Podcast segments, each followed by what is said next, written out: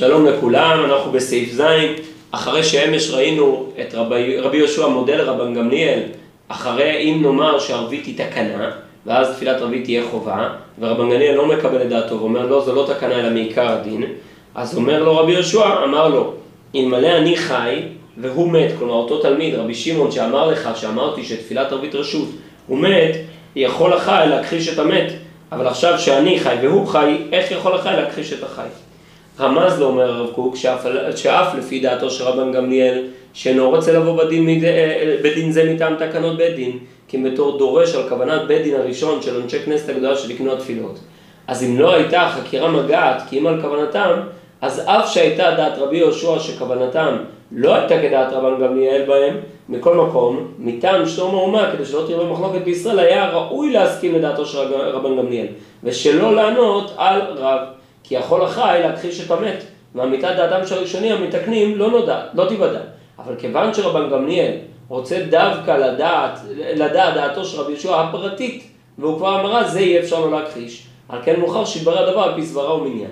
בעצם, לפי הרב קוק, החי והמת לא מדובר פה למול התלמיד. הוא בא ואומר, זה מוסף גם כן, הוא לא אומר רק, אלא תשימו לב שהוא אומר, רמז לו שאינו רוצה לבוא בדין, מחילה, אז הוא אומר, יש, יש לו לשון פה שזה מוסף גם עליהם.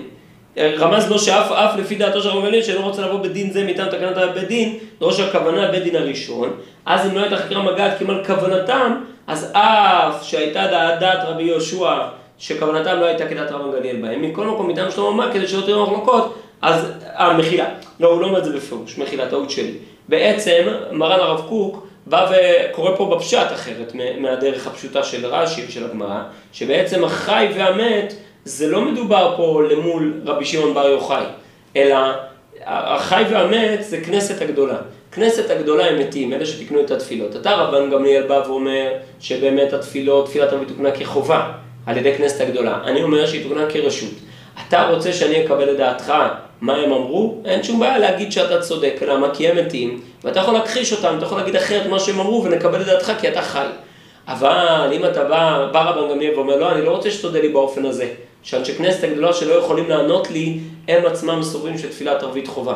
אלא אני רוצה שתודה לי בסברה שלי, שמה שאני אמרתי כסברה מצד עצמה, לא כשאני בא ואומר מה אנשי כנסת הגדולה התכוונו, אלא סברתי, האם סברתי היא סברה ישרה או לא. אז רבי יהושע אומר, אין לך יכול להכחיש את החי. מה זה יעזור שאני אדון איתך?